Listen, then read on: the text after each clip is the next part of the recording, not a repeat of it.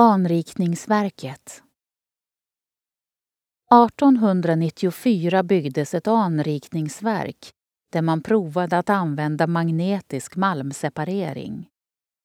Metoden blev dock inte så lyckad varför man istället provade Gustav Gröndals patenterade anriknings och briketteringsmetod. Denna eliminerade svavelhalten och minskade kolåtgången. Herräng hade nu förutom gruvdrift även ett järnbruk.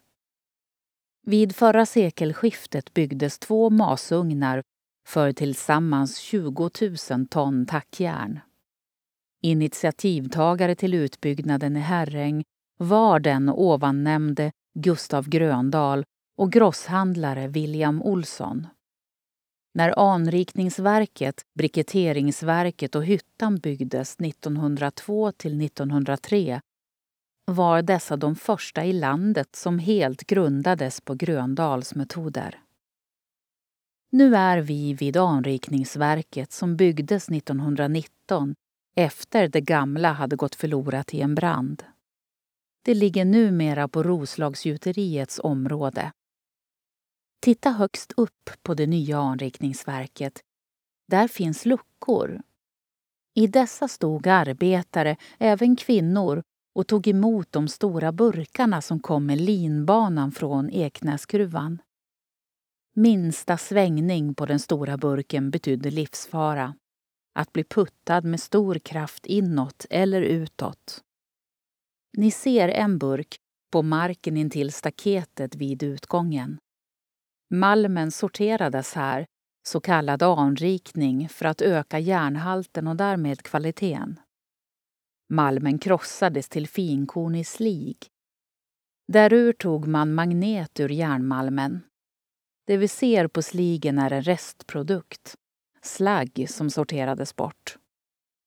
När burkarna kom på linbanan och skulle passera över vägen stängde man av all trafik och ett nät spändes över vägen på grund av den stora risken med vajrarnas svängande och rasrisk från burkarna. Innan dess hade berget krossats till mindre stenar i krossverket mellan Eknäsgruvan och anrikningsverket. Varje burk var vägd innan den transporterades iväg och kunde väga upp till 400 kilo.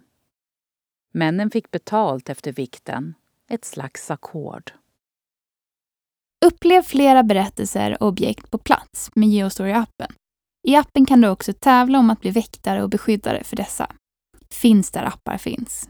Har du förslag på intressanta och bra berättelser som du tycker borde finnas i Geostory? Gå då in på geostory.se, välj bidra under meny och klicka sedan på förslag på Geostory. Vill du även hjälpa till och sponsra redan inlämnade historier kan du välja insamling och sen sponsra med det du vill och kan. Vill ditt företag höras här? Kontakta då oss gärna på info.geostory.se för att vara med och sponsra